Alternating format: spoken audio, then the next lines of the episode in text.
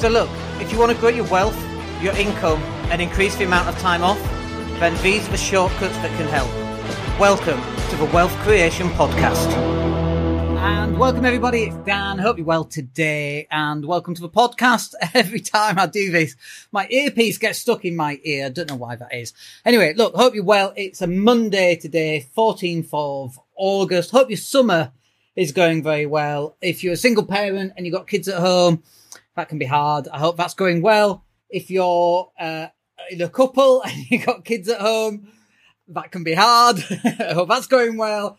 And if you're uh, young, free, and single and ready to mingle, I hope that's going well. Anyway, hope you're having a good summer. That's the point I think I'm trying to make and uh, going on far too long about it. Anyway, let's talk about your social media. Let's cover um, some of the reasons why your social media may well be failing. This comes off a conversation uh, I've just had. I've just come off the phone with one of our marketing clients uh, who's uh, who runs his own business and is a uh, it's like a coaching client really, not a marketing client. And um, we're talking about their social media. And if you're watching, this is for you. So let's talk about why your social media is failing. And obviously, number one, like straight away, is a lack of presence. And I don't know what it is. People think, oh well, I posted last week and that'll do. And it's like, no, that's not going to do. You need to be posting constantly. Uh, if you're going somewhere, if you're getting on an aeroplane, take a picture of the aeroplane. If you're getting off an aeroplane, take a picture of the aeroplane. If you're going to a bar, take a picture of the bar. If you're going to a beach, take a picture of the beach. This is what social media is. And I know some people kind of don't like it. You know, I can't take pictures of everything I do in my life. And we're not saying that you take pictures of everything that you do in your life.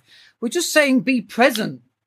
Whatever that is and whatever that might look like for you. For me, it's, you know, when I drive to CrossFit, I always film that. Uh, did it again this morning, driving to CrossFit, six or seven minutes. It's a little piece of content I can do to camera. There's hardly any cars on the road. It's nice and safe. And so that's what I do.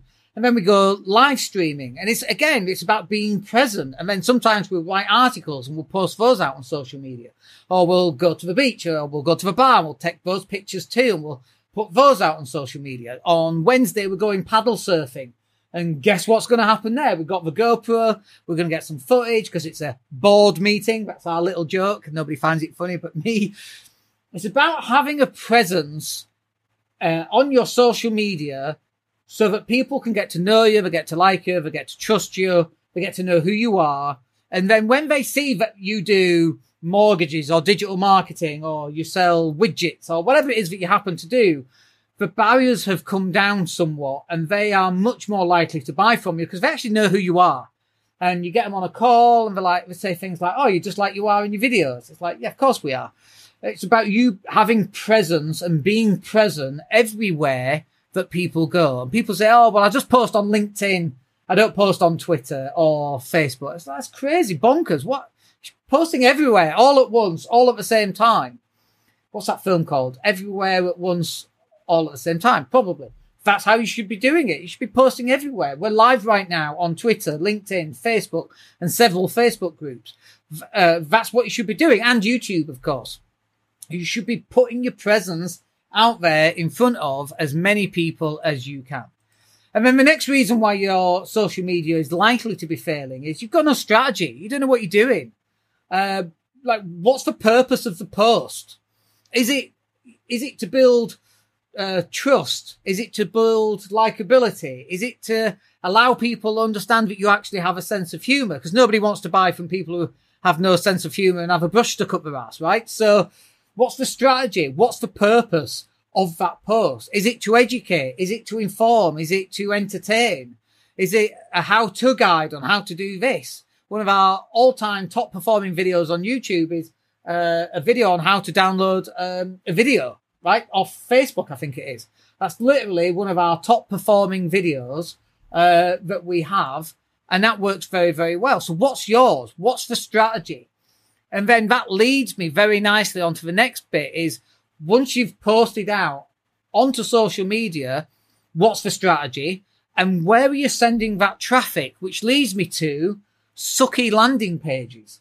Or no, even, you know what's even worse? No landing page is far worse than bad landing pages. Not having a call to action in your post, uh, not having um, a landing page and just sending people to the home page, what you want to be doing is you you know if you're talking about hypnosis for giving up smoking, you go live, you talk about a client that you've just dealt with who was smoking a lot, wanted to give up, they tried everything else, then they came to you, and then six sessions in, they no longer smoke. And then if you want to also stop smoking, here's the link. That's what you do, right? That's the strategy. And so you're then driving people to a specific how to stop smoking landing page, not your homepage, not a YouTube video, not a different Twitter account. Specifically, what's the call to action? Where you're going to send them. And then the landing page has to actually be an effective landing page. And usually for us in our business, we want to get people on a call. But before we want to get people on a phone call, we actually, you know, we're going to talk about website design, for example, four reasons or four ways to improve your website design. We actually want to take them to a website page so then we can find out a little bit more information about us and then get them on a call. Because if not, we just get inundated with phone calls from people who are not ready to buy yet. And that's not necessarily the sort of people that we want. So, in, in fact, on this post, you'll see below there is a call to action on how to get your social media done for you. And it's our fully outsourced marketing team. So your landing pages have to not suck. Now I know that's ridiculously obvious, and you would imagine I would I wouldn't have to say, you know, don't have sucky landing pages, but we do because people have got quite bad landing pages or no landing pages at all. Something we absolutely have to mention. And then just at the end here, like knowing how many people are visiting your website, for example, is absolutely vital. And most people have no clue how many people are visiting that, that website. So obviously, if you don't know how many people are visiting your website, how many people are clicking on the outsourced marketing team page, how many people are clicking on the stop smoking with hypnosis page, you don't know. What's your conversion rate then? You don't know. So at least when we know that people are landing on the outsourced marketing page and then they sign up for a strategy session, we can track that through all the way through. And we can go, okay, this post got 20 clicks, uh, 18 landed on the actual page because you never get all people landing on the page because two will click off, for example.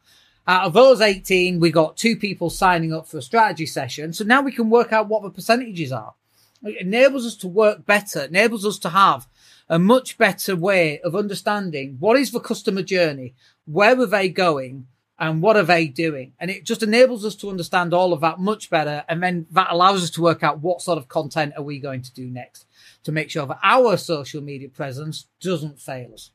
So look, hope that was useful. Very quick one there. Got that in under 10 minutes, which is really nice.